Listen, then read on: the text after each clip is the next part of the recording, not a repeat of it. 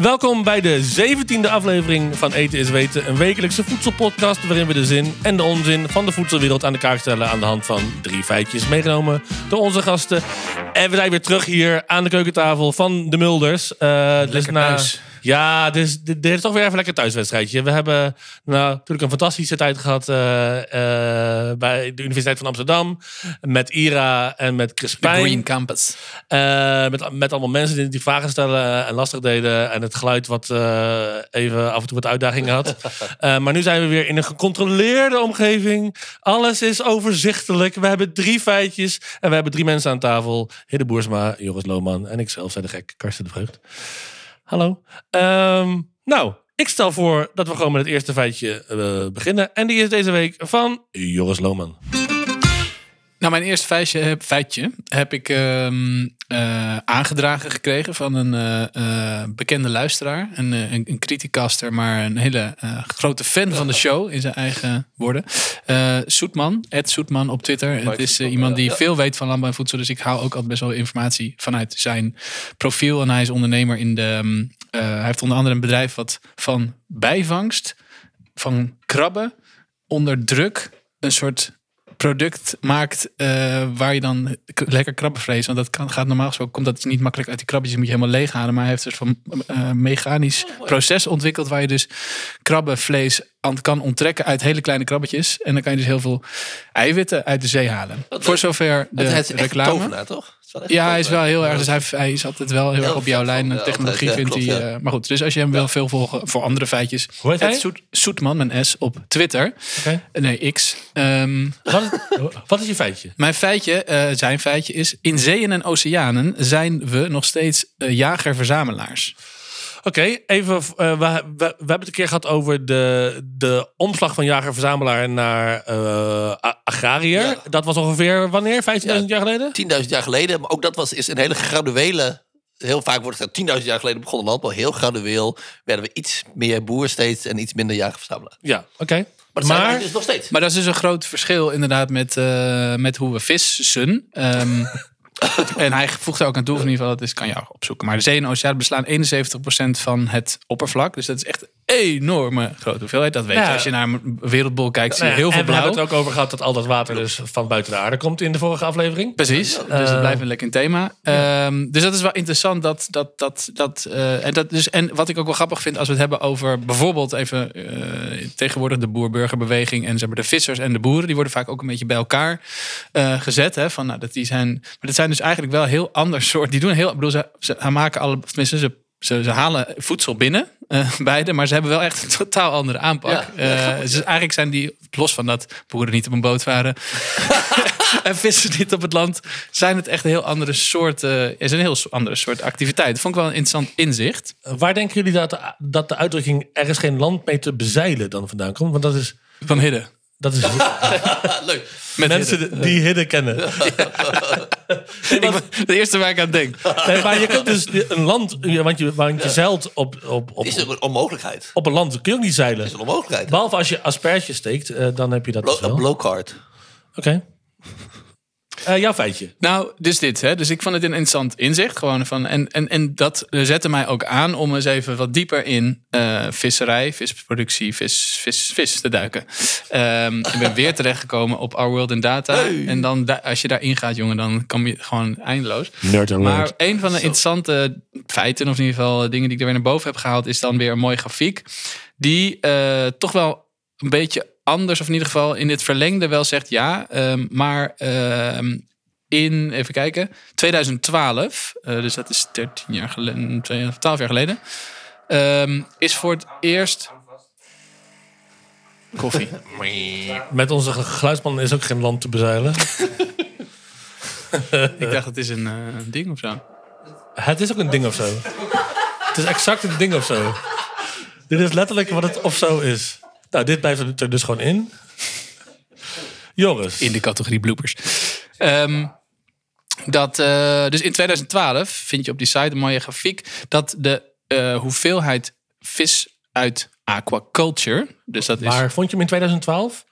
De nee, grafiek? het is een grafiek. Die zien, er zien twee lijntjes en die kruisen elkaar in 2012. Oké. Eh één greep- ze gaan allebei omhoog. En de ene omschrijft eh wild gevangen vis en de ander aquaculture, dus dat is kweekvis. Ja. Eh, ons tegenwoordig wel zeker bekend, eh, vaak een beetje negatief daglicht door de tilapia en de Vietnamese kweeksoorten. maar er zijn best wel veel ehm, nou, vissoorten die tegenwoordig gekweekt worden. En de zalm. De zalm ook onder andere. En dat is in 2012 is voor het eerst meer vis die ge- geconsumeerd wordt wereldwijd afkomstig uit kweek dan uit wilde vangst. En dat is toch goed? En al, de- en al 30 jaar is de hoeveelheid vis die we uit de zee halen stabiel.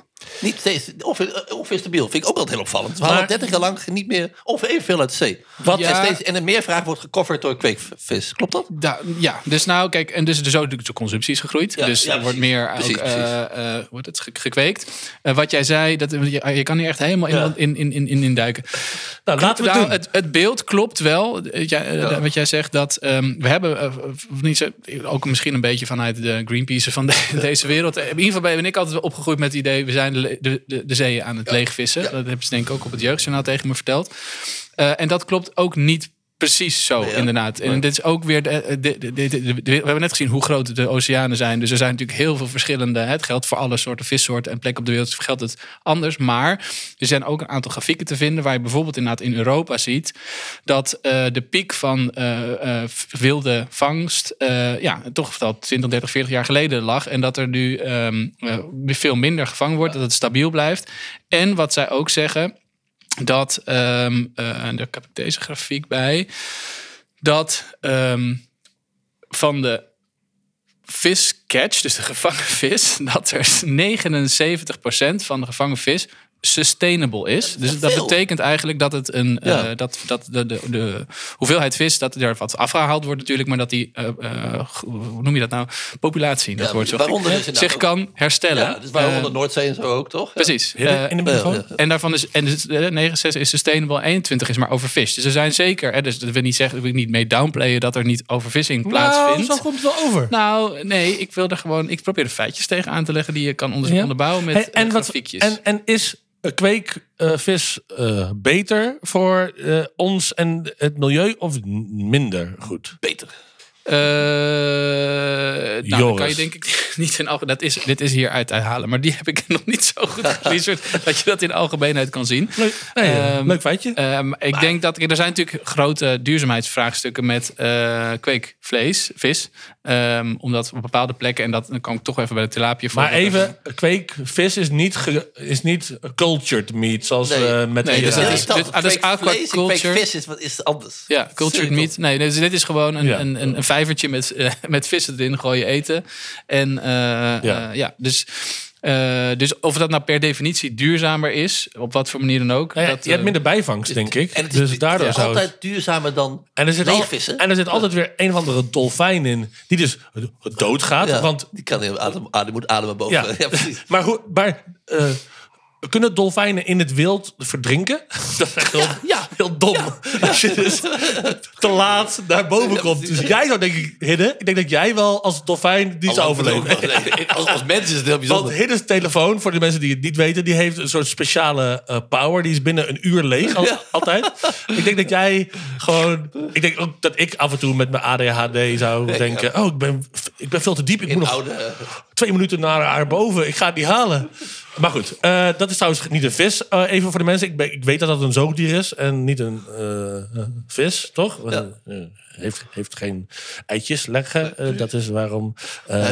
ik heb ook altijd begrepen dat vis heeft ook wel echt het voordeel dat, die, dat heel veel kindjes krijgen. Als, als, je- als je bijvoorbeeld, weet ik veel, de olifanten bijna laat uitsterven, die krijgen natuurlijk heel weinig kinderen. Vis gaat heel snel, dus dat is wel een voordeel. Het, ging- want het ging echt wel heel problematisch met vis. En er zijn wel voorbeelden van de kabeljauw, weet je, in in Amerika die nooit weer terug zijn gekomen. Maar heel veel dingen, ja, je hoeft er maar een paar te hebben. En een paar generaties later, dan gaat heel, rap- zijn er alweer heel veel van. Van heel veel Ja. kleine vissen. Ja. Eh, eh, toch heb ik even wel wat extra informatie weer naar boven gehouden. Want het ging over wat is nou, is het dat duurzamer? ja. Eh, daar wordt natuurlijk ook op deze site eh, was ontzettend gewoon veel ook, over. ook even tijd Oh, ik hou van die website. Ja, dus ik, ben even, ik, laat, ik was even niet aan het luisteren wat jullie zeiden. En ondertussen Nee. mijn eh, feitje aan het aanscherpen. Eh, daar wordt inderdaad over gesproken. Kijk, ze zeggen wel... ehm, eh, de, duurzaamheid, de impact, milieu-impact van vis is heel verschillend voor de verschillende eh, soorten vissen. Uh, maar er is dan heel uitgebreid overzicht over hoeveel uh, greenhouse gas emissions, dus CO2-uitstoot, heb je per kilo um, vis, seafood. En dan zie je wel, nou zie je heel veel verschil. wilde lobster, dat is kreeft. Dat heeft een hele flinke CO2-uitstoot, footprint. Komt misschien ook omdat het dan Moeilijk te vangen. Ja. Moeilijk te vangen, ja. klein, veel, veel moeite voor weinig precies. opbrengst waarschijnlijk. Wel een vette, uh, En seaweed, dat is natuurlijk niet zo heel ver, ver, verbazend. Dat wordt is echt een duurzame, altijd, die wordt veel naar gekeken. Dat er in zeewier. zeewier veel eiwitten zitten. En die heeft echt een hele lage uh, CO2-uitstoot. en met de vergelijking zit de chicken, kip, zit een beetje in het midden. Dus, uh, en de vergelijking dan kweek en niet gekweekt. Dus tilapia wild en tilapia niet wild. Staat dat? Ja, dat, daar hebben ze niet een oh, vergelijkend uh, onderzoek in. Uh, maar dus het is wel, uh, als je kijkt naar, nee, ja, als je kijkt naar ehm, het gebruik van vers water, fres, wat het, water, zoetwater, zoetwater, zoetwater. fresh water, dan heb je ook hele grote verschillen tussen um, dat een karper bijvoorbeeld vrij veel zoetwater nodig heeft. Zo is die. drie en een half. Zoetwatervis waarschijnlijk. Kuub en een kip 0,45. Ja. Dus, um, nou, maar het algemene beeld is dat uh, er.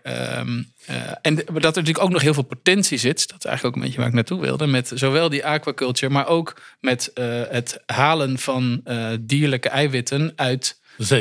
de zee.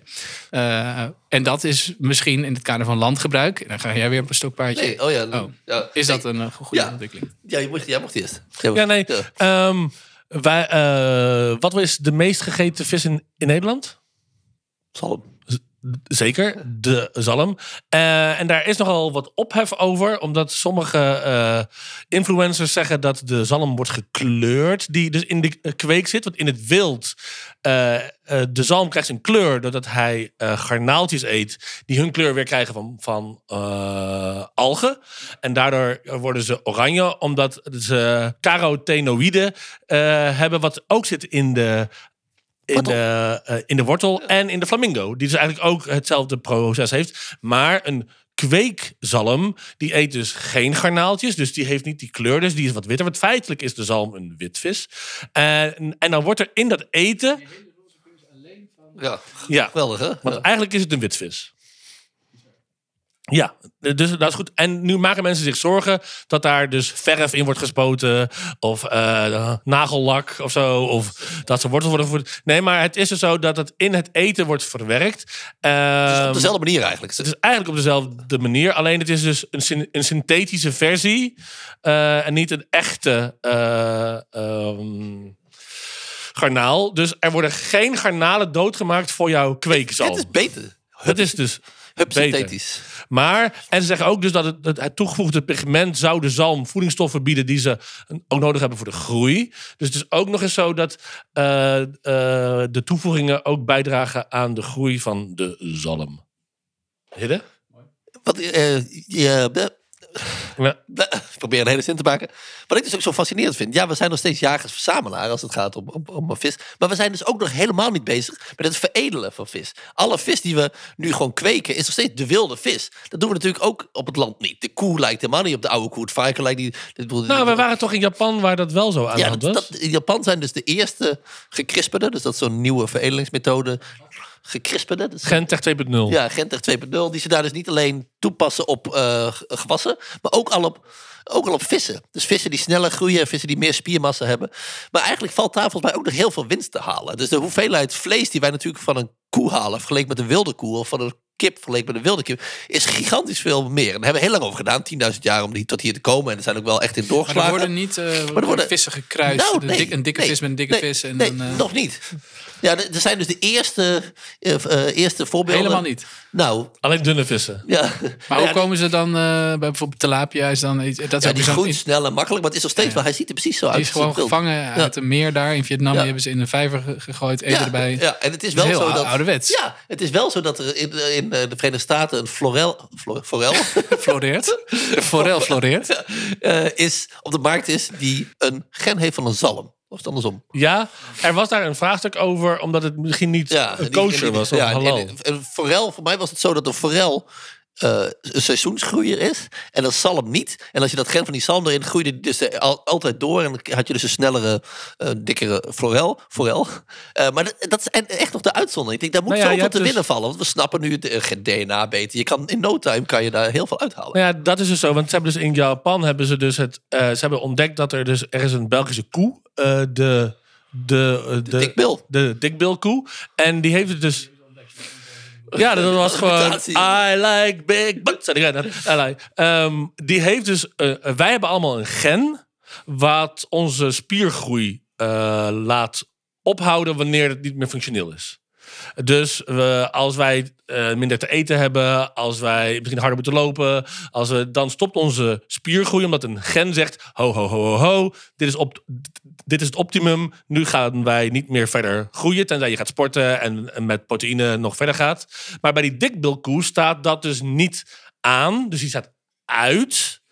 En daardoor eh, heeft hij enorm veel spieren. Je, je moet maar Die moeten we even even opzoeken. Die komt ook in de show notes. Het is echt een bizar gezicht. Dikbilkoe. En nou En- hebben ze dus ontdekt dat als je dat gen uitzet bij bepaalde vissen, dat ze dus ook gewoon doorgroeien. Dus eigenlijk worden ze twee keer zo Maar groot. dit is even, want zeg maar, met genen in dieren en zo, dat is wel, ligt moreel ook nog wel gevoelend, gevoelig. Bij jou? Eh, bij, ja, onder andere bij mij. Want, Eh, want God heeft het zo bedoeld. eh, ik, nou nee, dat is dan weer aan jouw kant. Nou, mijn, mijn ouderse kant. Precies. Ehm, nee, maar want eh, jij zegt gekrisperd, of in ieder geval, er wordt met, gen, met, Ja. met genen, genen ge, ge, ge, ge- geklooid. Deze Ik wil genen? even gekleurde woorden gebruiken. Eh, in dieren. En vissen zijn natuurlijk nou niet, eh, dat je die, tenminste een goudvis wel, maar die neem je niet eh, thuis in huis als een. eh, eh, oh, dit is inderdaad een heel raar plaatje. maar dit is, we, we, we voelen ons misschien minder verbonden met vissen, eh, als dat we dat, dat, we dat zielig vinden. Ehm, we- eh, maar dat gebeurt dus wel in vissen en dat gebeurt niet in ehm, landdieren. Nee, Nee, maar, maar, maar, wel, wacht eh, even. Al, als jij dus zegt, die dikbilkoe, die heeft dat eh, gen staat uit door toeval, Ja, dan mag het wel. Maar als het geen toeval is, Oh, vinden ja. we het niet oké. Het mag alleen toevallig. Ik heb ook wel iets meer morele problemen met eh gentech. Omdat je dus ook van een, van een Jij beest... hebt morele problemen met Ja, Gent, hè? Met gentech in dieren. Maar dat komt omdat je dieren dus een soort... eh, Maar is CRISPR, hè? ja, nou ja, dus, dus, eh, daar een, ja, hoe heet dat, een ding van maakt. Een, een ding wat wij mogen gebruiken. En dat vind ik dus eigenlijk dieren niet. Ik vind, ja, een productiemiddel. Ja, maar, maar oké. Maar dus heel even. Als het dus toevallig gebeurt, dan mag het. Dan is het oké. Dus als de natuur een afwijking heeft eh, in het genenstelsel, dan vinden we het oké. Maar als we het actief doen, dat is toch, ik snap dat dus totaal niet. Ja, nee, het is meer zo dat ik eigenlijk natuurlijk helemaal van, van het dier als, als productie- en eetmiddel af wil. Want ik, ik- ik- ja, dat ben ik niet helemaal. Maar uiteindelijk in de, in de toekomst zou ik dat... Zou Ik weet nog dat jij ooit met George Monbiot, de Hiddes held, Flink tata. Hiddes held, en die is vegan. En die hadden we naar Amsterdam gehaald voor eh Pave Paradise. en we zitten bij eh, Hotel Americain. Ja. En, en de kaart Ik was op- hier niet bij, maar ik vind het echt heel En Het was maar één... Wacht even. En de kaart komt op tafel. En ik dacht, oeh, ga ik nou... eh, We kennen dit allemaal wel, dat je bij mensen aan tafel zit en zeggen, nu ga ik echt, geen- maar niet bij George Monbiot. George Bombio en Hidde, die dus gewoon zegt, ik wil een steak tartare. Gewoon het, het meest vleesige. En er, en er komt een... Ja, dat was ook wel een hele grote. Daar, komt een kilo vlees, rauw vlees op tafel. En ik weet nog steeds dat dus eigenlijk George zei... Oh, you're a hypocrite. Ja, oké, duidelijk. ik was dit aan het vertellen, maar wel goed dat je het gewoon eh verpest. Ik- er was ook filet Amerika, of van filet Amerika hotel. Het was in het Hotel Amerikaan. Maar dat jij dus gewoon... ook altijd. Maar, maar, Hidde, Maar er stond maar één nee. vegetarisch gerecht op en dat was fucking avocado. Maar het was ook Nee, maar geweldig. deels heb ik respect voor je dat je dit gewoon doet. Wat had jij besteld? Die avocado. Eh, nee, ik had een soort kipsalade. Kip ik een half vlees. Mm, Oké, wat had hij besteld dan? hij had... Dat was eh, tartare. hij- nee, hij, Trouwens, zo. hij had eh, volgens mij iets met worteltjes. Ja, eh, nee, nee, maar ik vind, als- kijk, dat, dat Mag ik de wortels met wortels? Hotel Amerika is toch heel, is heel traditioneel. Dus er stond één vegetarisch gerecht op de kaart. En dat was ook, Nee, ja, dus, dus Oké, het is de hoogste tijd. We moeten Ja. door naar het volgende onderwerp. Eh, En ik heb een één leuk feitje. oh. Ja, ik kom met een laatste feitje. Want, wat ik altijd zo leuk vind aan de zee. In de zee eten wij... Dat als je, een, als je een schelp bij je oor houdt, dat je dan de zee hoort. In de zee eten wij carnivoren. En dat doen we op het land niet. Ja. Oh, salm en tonijn zijn roofvissen. Die eten we. Maar wij eten geen enkel Nee. eh, roofdier op je land. nooit een luipaard? Of, of ik heb één keer... Pes- ik een pescavoren dan. Ja, ik heb een krokodil gehad. in Die het zalm, eet, die, die zalm eet geen koeienvlees, toch? Nee. Ik heb wel een keer een paard een, een, eh, iets van één zien opeten. En ik eet, wel eens ja. paard. Wat? Ja, goed. Maar goed, daar kom ik nog op terug. Eh paarden. Maar eh, ook, eens om dit Oh, af te wil- je afsluiten? Ja, ik, oh, dat er dus eh, de, de, de, de wondere wereld van de zeeën is heel veel over te vertellen. dit in de zee. dus ik, denk dat het ook nog wel een keer terug gaat komen. Nou ja, dus eh, we gaan langzaam wat, wat draadjes eh, Ja. hebben. Dus het zeedraadje hebben. We hebben... Oh, mooi. Oh, en, ik, en dat is ook weer een leuk haakje. Waardoor ik door kan naar het volgende onderwerp. Even het net ophalen. Ik ga het weer hebben over het land. Ik denk dat het, dat, dat het goed is dat we een paar dingen ook even serieus benoemen. En ehm, ik heb dus uitgezocht, of ik heb ontdekt, of ik kwam er, er tegen, dat er een verkiezing is geweest van de mooiste eh, trekker of tractor. Wat zeggen jullie, trekker of tractor? Trekken. Trekker. trekker. Ik heb geleerd als Amsterdammer, toen ik met boeren ging praten, dat je echt trekker moet zeggen. Anders dan... eh, Nou, dus de allermooiste trekkerverkiezing is geweest. En eh, nou zou je eh, denken, eh, dat is misschien wel een John Deere... of die gigantische Lamborghini van eh, Jeremy Clarkson. Ik kan het trouwens van harte aanraden om eh, Jeremy Clarkson's Farm op Prime te gaan kijken. Want ik denk dat dat een van de leukste programma's is die ik heb. Ik ben ook wel een beetje een Top Gear fan. Maar wat ze daar doen vind ik dus echt gewoon wel heel erg leuk. Ehm, maar goed, daar gaat het niet over.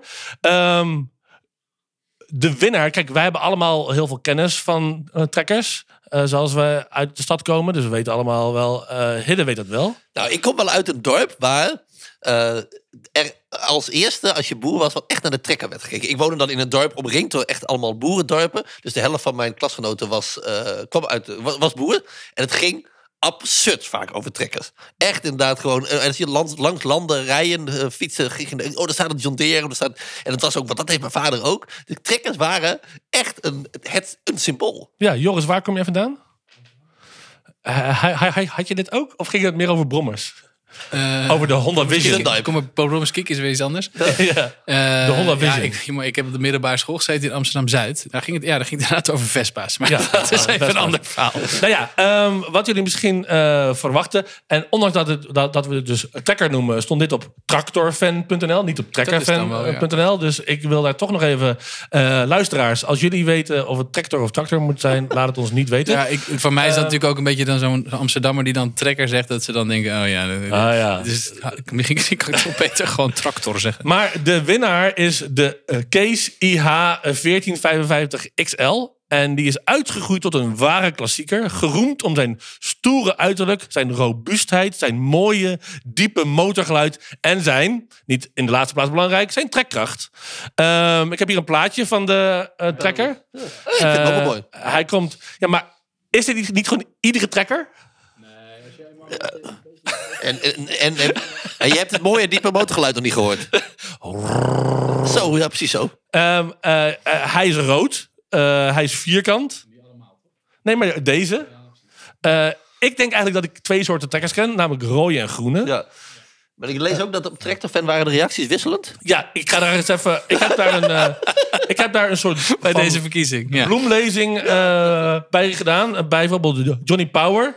Die, Johnny Power is het er niet zo mee eens. Die zegt: Ik vind het eh, maar een beetje bij elkaar geraapt zooitje, die verkiezing.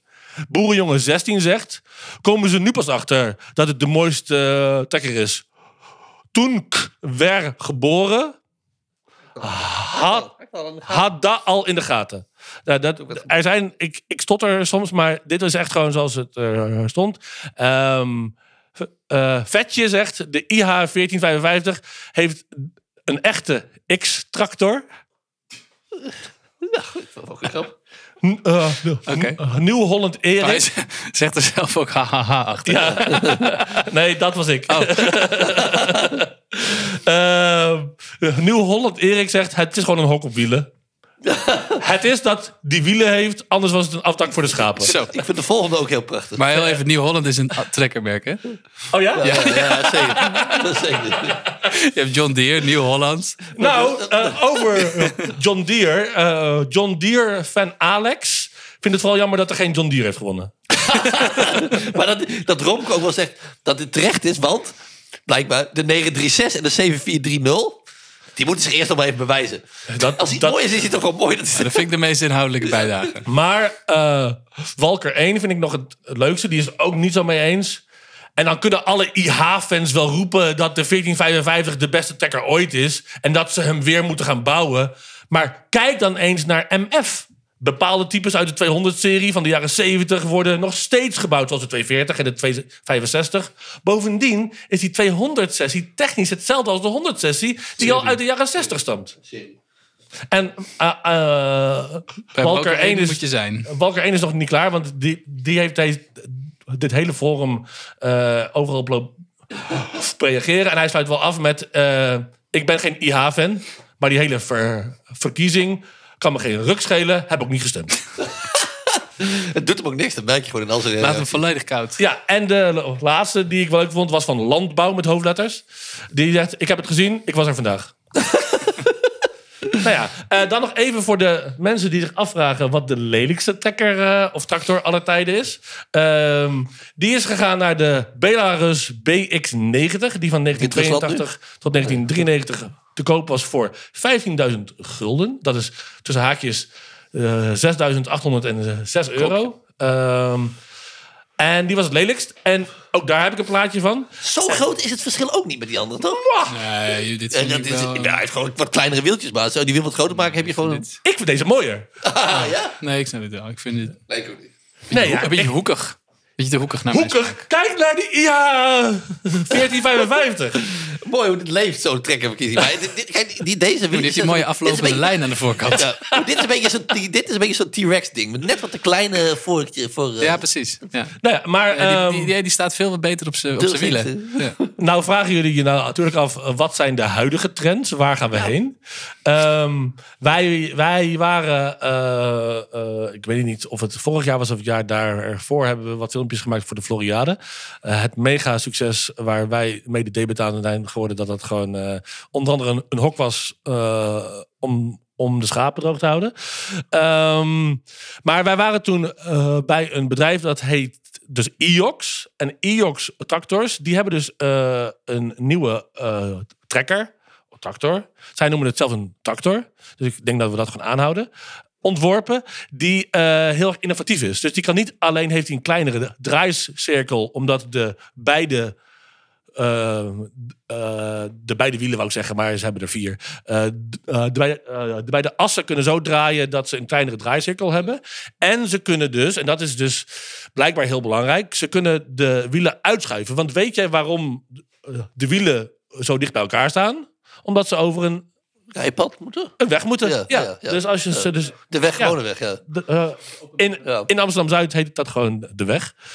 Ehm, maar die kun je dus uitschuiven. Waardoor je dus minder banen hebt waar je met je banden overheen moet. Ja. En dat is dus weer beter voor eh, de bodem. Ja, Eh, maar, dat is een belangrijk punt, hè? die bodemverdichting. Ja. Daar wordt het vaak over, gaat het vaak over als het gaat over wat is nou eh, go- goede landbouwpraktijken. En dan is door die zware machines eh, die, die, die, die het grond induwen, dat zorgt ervoor dat die grond minder eh, kan ademen, minder gezond is. Dus- en dat wordt soms ook wel weer een beetje overdreven, Nou, moet ik zeggen. Maar dat is echt wel een ding waar. Als het heel vaak gaat over de, Nederland- de Nederlandse bodem zijn in zo'n slechte, in zo'n sle- slechte staat. Dat is helemaal niet zo. Maar ik denk dat het grootste probleem dit, die verdichting is. Ja, maar Dat daar wordt dus ook wel heel veel aan gewerkt. Aan de ene kant zeg maar dat er veel, ik was laatst, ja, daar kom ik op dat soort dingen, bij de landbouwtechniek demonstratiebeurs in, in, in Flevoland was dat. En dan hadden ze allemaal van die zelfrijdende, nou elektrisch waren, weet ik niet of dat nou per se de oplossing is, maar allerlei zelfrijdende landbouwvoertuigen Nou, die allerlei... Deze is dus ook elektrisch of op waterstof. Dus het is Eh, die, nou, dat is heel... eh, ja, zit, goed. zit er nog iemand op? Of dat ook niet? Dat toch ja, wel? Dus zit voor mij wel eh, op, maar hij was aan het praten. Ja. Ja, maar goed, dus allerlei verschillende. Dat is ook eventjes voor de, voor de, de, de leek hierin. Dat ben ik ook nog steeds wel. Maar kijk, een trekker is natuurlijk een soort allround ding. Waarbij je van alles. eh, dus de- die trekkracht. En die, die, die heb je gewoon nodig. Om eh, te zaaien, te oogsten. Je kan allerlei dingen achterhangen. en Oh, heb- daarmee heb- doe je. Heb je hem daarvoor nodig? Ja, en dit is, dus soms wordt er dan gekeken. Er zijn allemaal mooie machientjes die op het land kunnen. Die kunnen bijvoorbeeld onkruid wieden. Ja, is leuk. Maar dat vervangt natuurlijk niet weer een trekker. Dus even om Totaal het een beetje. Hè, dus die, dat, die, dat die trekkracht van die trekker voor allerlei verschillende werkzaamheden op het land nodig is, eh, is voorlopig zeker nog zo. Dus daarom vind ik dit wel een interessante eh, innovatie. En ik ken een boer in ehm, eh, Zuid-Holland, zit die. Die is bezig met strokenteelt. Heb ik het ook wel eens over gehad. Dus dat je niet te veel planten van hetzelfde op eenzelfde oppervlakte neerzet, maar dat je dat in banen zeg maar teelt, zodat daar ook de beestjes die tussen die verschillende eh, planten leven elkaar kunnen beïnvloeden. En dat als een ziekte is dat het niet zo makkelijk overspringt van het ene gewas naar het andere. Dus dat is een vorm van nou, bewust bezig zijn met hoe kunnen we duurzamer telen. En die heeft dus ook een hele mooie trekker. Eh, en die heeft hem zelf eh, omgebouwd met dunne bandjes. die inderdaad precies tussen die rijpaden rijden. Zodat hij daar nou, dat hij de bodem niet verdicht. En dat heeft voor hem heel veel impact op de gezondheid van zijn bodem. Dus dat is echt wel een interessante ontwikkelingsrichting voor de tractorenbusiness. Maar ik vind het eigenlijk nog wel interessant wat jij zegt. Inderdaad, een einde van het trekken is toch niet echt in zicht. Omdat heel vaak zie jij inderdaad... we kunnen uiteindelijk gaan alles eh, met, met, eh, met weet je, op afstand bediend en dat soort dingen. Eh, maar bijvoorbeeld dat, dat, dat bij, de, weet dat ook waar Pieter de Wolf werkt? Uh, boerderij van de toekomst. Boerderij van de toekomst zegt hij ook, ja, dat zijn er voor een paar toepen saaien, saaien, saaien, saaigoed is niet zo, eh, is niet zo zwaar. Dat kan wel, maar op een gegeven moment moet je 140 ton aardappelen rooien en dan heb je alsnog heel veel kracht op die bodem. Dus helemaal af van echt zware machines is dan toch lastiger dan heel vaak defensieplatjes. Maar ehm, denken jullie eh, dat deze IOX-tractor in de volgende eh, verkiezing hoog of laag gaat scoren? Want het is natuurlijk wel een, Beetje de Renault beetje, Twingo. een beetje de kanta van de eh, tra- Ja, eh, gaat- tractoren. Er gaat veel nostalgie verloren, denk ik. Ja, maar je hebt dus ook niet meer zo'n grote motor nodig. Nee. Dus en ook geen diep Maar dit rijdt op waterstof. Ja, en elektrische, de, dus hij is hybride. En hij heeft die trak. Nee, nou. Maar je hebt dus niet meer een diep ronkend geluid. En ik denk dat dat toch voor de meeste tractorliefhebbers de doorslag gaat geven dat deze, ondanks dat hij heel innovatief is, niet hoog gaat eindigen in de volgende verkiezing. Oké, eh, we gaan naar het laatste feitje alweer van vandaag. Eh Hidde, hou het kort. nee, eh Hidde Boersma. Ja, mijn feitje is, we zijn het geloof in de vooruitgang verloren. Is dat een Feit. of een Mening. Want dan, ik denk een feit. Nou, wij? Dus Ik jij en denk- ik. jij, jij denkt een feit. Nee, Ik, denk, nou, het- ik heb al lang, dit is al lang wel een beetje een stokpaardje, dat ik dit gevoel heb, dat ik een hunch heb dat dit aan de hand is. Hunch? Een hunch. Back? Hunch, toch? Ik ben heel vervelend om een hunch te hebben. Een, een, eh, de hunchback of the Notre Dame. Ja, ja. Nee, een, een, een, een, een, een vingerspitsengevoel, Ja. om het in het Nederlands te zeggen.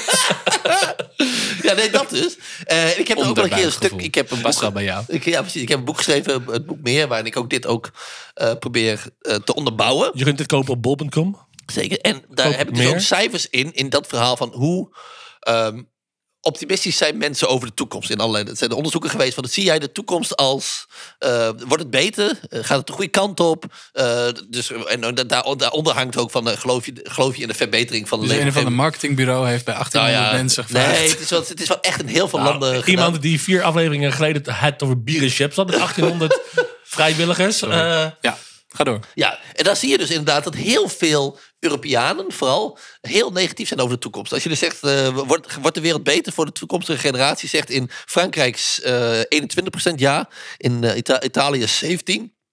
En dat bijvoorbeeld in Zweden, dat op bijna alle internationale li- lijstjes van welzijn en geluk bovenaan staat, verwacht maar 25% dat het beter wordt. Die zijn helemaal niet geloven in de toekomst eh, verloren, dat de toekomst vooral iets is om te verbeteren. In China en Nigeria is dat echt heel hoog. Ik snap het voor een deel wel, want het is een soort decadentie van het Westen, van wij hebben heel veel te verliezen en minder te winnen. Maar toch vond ik het opvallend. En waar ik dus op aansloeg was een bericht vorige maand.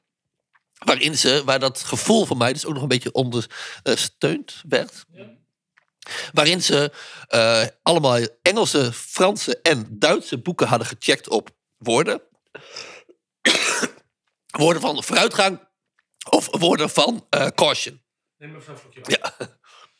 Ja, dus ehm, ze hebben een, een, een, een test gedaan. Maar dat ze alle woorden. Alle- ja, en dan dus- miljoenen boeken, miljoenen boeken, miljarden woorden. En dan positieve woorden Ja. en negatieve woorden. En dan zag je dus tussen, tussen het jaar 1700 en 1900, dus de industriële revolutie, de, ehm, de, de, de wetenschappelijke revolutie, dat, Stoermoendrang. ja, dat mensen heel erg gingen geloven, jongens, wij kunnen deze wereld beter maken. Ik, allemaal, ik heb net het boek uit, eh, Het landschap de mensen, van Auke van der Woud, waarin ook heel erg wordt verteld over Nederland en het bouwen van de afsluitdijk en van de Flevopolder. Jongens, wij kunnen deze wereld eh, beter maken, maakbaar maken. En wat je dus ziet is dat de laatste 30, 40 jaar... dat de, de woorden van caution heel erg aan, eh, heel erg aan het winnen zijn. Dus, Voorzichtigheid. ja, steeds meer woorden in boeken gaan over... jongens, we moeten voorzichtig doen. We moeten... Ja, ca- caution, worry en risk. En van pro- progr- progress en future gaat dus heel erg naar beneden. Heel heel even technisch ding.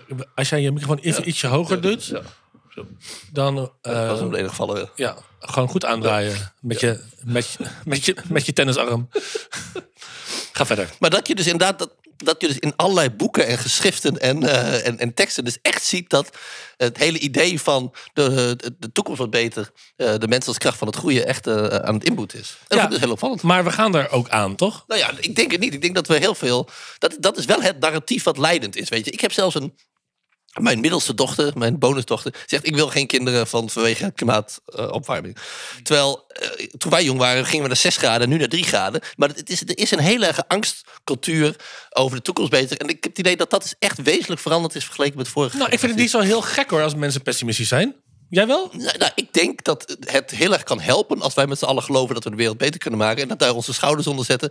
En dat we, ik, ik, kijk, waarom ik dit feitje natuurlijk binnen, hoe gaat het over landbouw en voedsel? Ik zie het ook heel erg als het gaat om de toekomst van voedsel. Gaat dus niet over, ze zijn heel erg tegen allerlei informatie, eh, te- te- tegen allerlei innovaties als genetische modificatie en moderne landbouw. Daar voelen we heel veel weerstand tegen. Ik heb nog steeds het gevoel dat vooruitgang en technologie en innovatie de basis moeten zijn van de oplossingen die we zoeken. Dat dat nog steeds wel de goede richting is. En dat is, dat is aan het verdwijnen. Ja, en eh, ik, kijk, jij en ik maken daar ook films over. En eh, ik hoor heel erg wat jij in het ecomodernistische eh, evangelie van jou verkondigt. En, en, en, en ik kan voor een groot deel meekomen. Tegelijk hoor ik best wel veel verhalen van mensen die, nou ja, bijvoorbeeld, ik, ik was dus gisteren eten met een vriend van mij, Daan Weddepol. Die is, op, die is de, de, eh, de oprichter van Peerby. En Peerby is een platform, wordt daar lid van. Als jij dus een keer een boor nodig hebt, dan hoef je hem niet te kopen, maar je kunt hem dan huren bij je, buren of een partytent of eh, eh, een stofzuiger. Ehm, en hij had een pitch gedaan bij een soort denktank ding vanuit de overheid eh, over hoe je de circulaire energie kan doen bij een aantal grote retailers. En die zeggen allemaal, ja, maar dat, dat levert ons niks op, dus we gaan het niet doen. En ik merk dat ik dat vaker hoor op meer plekken, dat er een bepaald gebrek aan noodzaak is om echt te gaan veranderen. Eh, waardoor we dus meer vlees eten Ja, nog steeds. Waardoor we nog steeds meer uitstoot hebben. Waardoor we nog steeds met dieselauto's en vliegtuigen en lang douchen. eh, omdat het uiteindelijk misschien... Misschien zijn we als mensheid niet zo heel leuk. Nee, ik, dan nog steeds kan je zeggen, want ik noem maar iets van, eh, we moeten, moeten we minder vliegen? Ik heb eigenlijk ook liever van niet. Wil je, gaan we dus gaan we voor de oplossingsrichting, als we gaan eh, zorgen dat we allemaal minder vliegen, dat we daar restricties aan doen, of gaan we eh, vol inzetten op Synthetische, synthetische kerosine? Volledig. je wel? En je ziet dus dat het vaak nu is van de kant van, het moet allemaal wat minder. Nee, maar ik denk niet dat het minder moet. Maar ik, ik mis, en misschien is, is dat aan de tovenaarskant er wel, maar misschien aan de is er aan de profetenkant wat meer noodzaak. Dat er toch wel. Ja, af en toe als ik naar de, naar, naar de politieke keuzes kijk, zoals in Duitsland met de eh, afschaffen van de Ja, van kernenergie. En dan denk ik, ja, maar die keuzes En- en komen dan- ook voort uit. maar, dan, maar dan, dan heb je het over Duitsland. En dan, dan heb je het over een, een ontwikkeld land. Hè? Maar dat, juist dat, dat het idee dat kernenergie niet onderdeel mag zijn van de mix, is natuurlijk eigenlijk al iets. Dat, het is juist een onderstreping van mijn verhaal. Dat dus bepaalde technologieën, het, het geloof in technologie en zo'n grote technologie dat, dat kernenergie is, is weg. Dat hoort niet. Dat moeten we niet, dat moeten we niet willen. Dus volgens mij. Wat jij zegt in dit, boek, in, in dit onderzoek komt eigenlijk naar voren dat dus mensen negatiever zijn gaan denken over de toekomst. Zijn gaan Ja, doemdenken. Ja, ja. Ja. Ehm, eh, en dat is wel iets wat herkenbaar is, denk ik. Hè? Bijvoorbeeld rondom, vooral rondom klimaatverandering. Ja, dat, het, ja. dat daar toch ook een soort van nou, defetisme in zit. Al, Discussie al- die- alhoewel we wel anderhalve graad minder warm zijn geworden door de, door de impact van Paniek is alleen maar groter. beleid Ja. de laatste twintig jaar. Ja, nou ja, ik vind dat altijd. want Ik denk, klimaat moeten we ook nog eens een keer goed aanpakken. Want voordat ik hier allemaal. Weer een lijntje. Zeg maar, want en ik, ik ben Ja, die is laatst weer, laatst weer diep ingedoken. En eh, inderdaad, ik, hoor, ik vind ook weer wat bronnen die inderdaad zeggen van... nou ja, eh, ten eerste, er is beleid geweest. En dat heeft ervoor gezorgd dat allerlei scenario's die heel negatief waren... dat die, nou, dat die negatieve scenario's in ieder geval niet meer haalbaar zijn. Zure regen is weg. Eh, ja, dus sowieso dat milieubeleid eh, impact heeft gehad op. Omdat en dat fosfor CO2 hebben we uit een Ja, aantal- Dus daar zijn er best wel wat, wat, wat signalen voor. Aan de andere kant, eh, ik, ik denk dat dat ook een beetje zit in de aanpak. Hè. Dus ehm, dat er eigenlijk een soort aanname is bij mensen die zich terecht, heel terecht zorgen maken over klimaat en milieu, et cetera. Dat als ik niet laat zien hoe erg dat is en hoe, dan komen mensen niet in beweging. Eh, en de andere kant, dat is weer jouw kant, die zegt ja, op het moment dat je gaat zeggen het wordt allemaal niks en, eh, en we zijn verloren, dan kom ik ook niet in beweging. Dus ja, wie heeft daarin gelijk? Daar- Daar worstel ik Ja. ook wel mee. En dat raakt toch echt wel ook weer aan nou, de reden dat wij deze podcast zijn. Zijn die twee wereldbeelden die vaak tegenover elkaar gezegd worden. En dat gaat heel ver terug. Dat inderdaad eh, de oorspronkelijke profeten zeiden: we kunnen de wereld helemaal niet meer voeden. En we, de, we- ecosystemen storten in elkaar als er meer mensen komen. Nou, dat is tot nu toe allemaal niet gebeurd. Dus dan kan je zeggen: nou, die, to- die, to- die eh, tovenaars zoals Hidde, die hebben gelijk gehad door technologische innovatie. Hebben eigenlijk steeds weer dingen opgelost. Aan de andere kant, eh, ja, dingen opgelost. We zitten met een milieu, klimaat, biodiversiteitscrisis. En we hebben. eh, dus ik zit ook heel erg steeds in die vraagstuk van. De wereld is verschrikkelijk op het moment. Ja. Eh, en tegelijkertijd gaat het beter dan ooit. En er is nog heel veel te verbeteren. En dat is allemaal tegelijkertijd bezig. ja, dat is ook mooi. Our world in data. Maar- Ehm, Nou, nou Hidde, ja. hoe, moet je, hoe, hoe, hoe ja. moet je omgaan met pessimisten? Nou, eh, Want ik heb het oh, gegoogeld. oh. Ik wil nog even reageren op, op, op, op, op, eh, Graag. Ehm, maar dat, dat staat hier natuurlijk inderdaad in het stuk ook van... is dit een, eh, een hernieuwde balans tussen de pessimisten en de optimisten? Of, is, of, of gaat het de verkeerde kant op, weet je wel? En dan, ook daar spreek ja, de, de, de, de pessimisten zeggen... nou goed, dat, eh, dat er misschien een, een veel te groot vooruitgangsgeloof was voorheen. Er zijn best wel wat mensen die zeggen... nou, dat heeft Nederland ook wel verminkt, weet je wel. Tegelijkertijd, ja, het is ook maar net hoe je het aankijken. Want ik denk, ja, we zijn de, de kindersterfte is heel erg verminderd, de honger is verminderd. En dit, dus dat is inderdaad, uiteindelijk kom je hier ook weer bij de vraag, tovenaar versus profeet. Ik zeg, dit gaat niet de goede kant op als, als mijn kinderen nu al geen kinderen willen hebben en zo bang zijn voor de toekomst. Maar al, ja, jij zal misschien zeggen, nou, het is wel fijn dat dat, eh, over, dat platende, overhyped eh, vooruitgangsgeloof een klein beetje banden wordt gelegd. Nou ja, ik vind het wel inter wat, ik, wat ik leuk vind aan, aan jou, Hidde, als mens, is dat je wel eh, een alternatief hebt voor alles moet minder en alles moet soberder. En je moet korter douchen met een zandlopertje in je klauwen. eh, niet meer vliegen. De meeste mensen die niet meer willen vliegen, hebben trouwens ook kinderen en die kunnen dat überhaupt niet, niet meer hebben heel betalen. veel gevlogen al. Ja. Duur man, vliegen met kinderen. Weet Ja. ik niet, doe ik nooit. Nee. Ik wel, dus heel duur. Maar dus, ik heb even ge- ge- eh, gegoogeld hoe je eh, moet omgaan met pessimisten. Pessimisten hebben net als optimisten normaal gesproken het, de beste intenties. Ze benaderen een situatie of idee alleen vanuit een andere invalshoek. Pessimisten willen ze net als elk ander mens gehoord en gezien worden. Door goed te luisteren en uit te vragen welke eh, problemen de pessimist ziet, zal hij zich gehoord voelen. Nou, daar heb je dus geen flikker aan. Ehm, kan een pessimist een optimist worden, heb ik toen gevraagd. En ehm, hoe wordt een pessimist een optimist? Volgens Elaine Fox, wie kent haar niet, is er goed nieuws voor pessimisten. Dat is op zich al grappig. Je, Dat zien ze alleen zelf niet zo. je kunt je hersens trainen om meer positieve verbindingen te maken, zodat je optimistischer in het leven gaat staan. Eén techniek die ze noemt is, je raadt het nooit, meditatie en mindfulness. Hidden luisteren we. Wat is dat? Ja. Hidde, wanneer heb jij, heb jij wel eens gemediteerd? Nee. Zou je dat... Nee. Maar, Joris, jij? Mediteer jij wel eens? Te gaan zitten in een houding.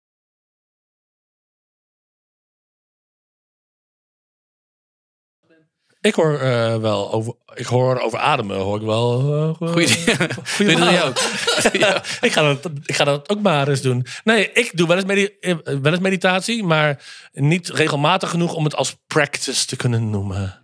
Maar Hidde, heb jij eh, eh, goed nieuws voor pessimisten? Heb jij iets van een boodschap om, om, om deze pessimistische Nou ja, uitzending af te sluiten? Ja, eh, want ook hier ook, kijk, als je, als je kijkt naar het milieu in de rijkste landen, als je kijkt naar het milieu in Nederland, dan gaat het wel degelijk de, de goede kant op. En ik vind het altijd, Noem eens wat voorbeelden. nou ja, de lucht, toen wij jong waren, kon je niet zwemmen in de Amsterdamse grachten. Dat was gewoon te goor, te gevaarlijk. Dat kan nu wel. De Karper is terug, de snoekbaars is terug. Dus je ziet echt wel een soort verbetering. En ook dat, dat, ik vind ook dat heel veel nou ja, doemdenkende organisaties nog steeds doen alsof we nu in de ergste situatie ooit zitten. Het is nog steeds heel de problematisch. wereld staat in de brand. De wereld staat in de Er brand. heel veel gebe- gebeuren. En wat je vaak hoort is dat een groot deel van de negatieve effecten Ja. hebben wij uitbesteed, Ja. eh, afgewenteld op andere. En dat staat ook in eh, Our World in Data. De hoeveelheid die we outsourcen is best wel weinig. Dus van CO2 is dat iets van 10 of 15 procent. En als je gaat kijken, onze CO2-uitstoot per hoofd van de bevolking is weer terug op het jaar 1990. Inclusief alles wat we kan je die nog importeren. een keer herhalen?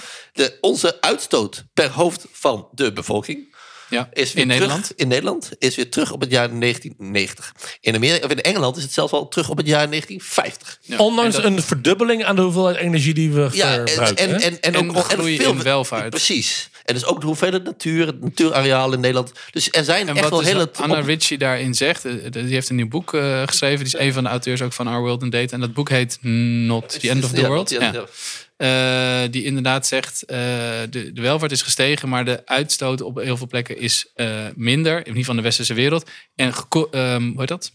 En daar is berekening mee gehouden met het deel wat we afwentelen. Dat is wel, en Ja, dat, is dat is, een, Dat is wel een feitje waar ik dacht, hmm, Ja. oké. Dat Ik is niet wat ik vaak hoor. Nee, precies. En dat, dit ontkoppeling, dat is dat het ontkoppelen. Dus dat je economische groei en economische welvaart, groei, groei en welvaart en de, en de destructie van het milieu weet los te koppelen. Daar gaat het inderdaad te weinig over. De rijkste landen zijn Ja. echt op de goede weg. We- Tegelijkertijd is wel de, sorry hey Karsten, tegelijkertijd, kijk de reden dat er milieubeleid is geweest, dat er mee bezig zijn, is eh, vervelende Ja, activisten ja, en mensen die zeiden, jongens, eh, dit Nee. gaat niet de goede kant op. Ja. Hè, dus eh, daar is ook een... een de- de- en de profeet heb je beide nodig. Ik zal volgende week wel met een leuk feitje komen over ontkoppeling. Want eh, daar zijn wel een paar hele leuke voorbeelden van. Eh, omdat we nog steeds denken dat meer welvaart is meer vervuiling. En dat is niet zo. Ehm, als je nog meer positief nieuws wil, ga naar onze eh, website www.stopthefoodfight.nl Waar je eh, op de hoogte blijft van waar we live te vinden zijn, waar we events hebben en waar je onze programma's kan bekijken. Ga ook naar onze Instagram, Stop the Food Fight, eh, en volg ons. eh, en op LinkedIn, stopthefoodfight.nl. Ehm dankjewel voor het luisteren en tot de volgende keer. Tot de volgende keer. Doeg.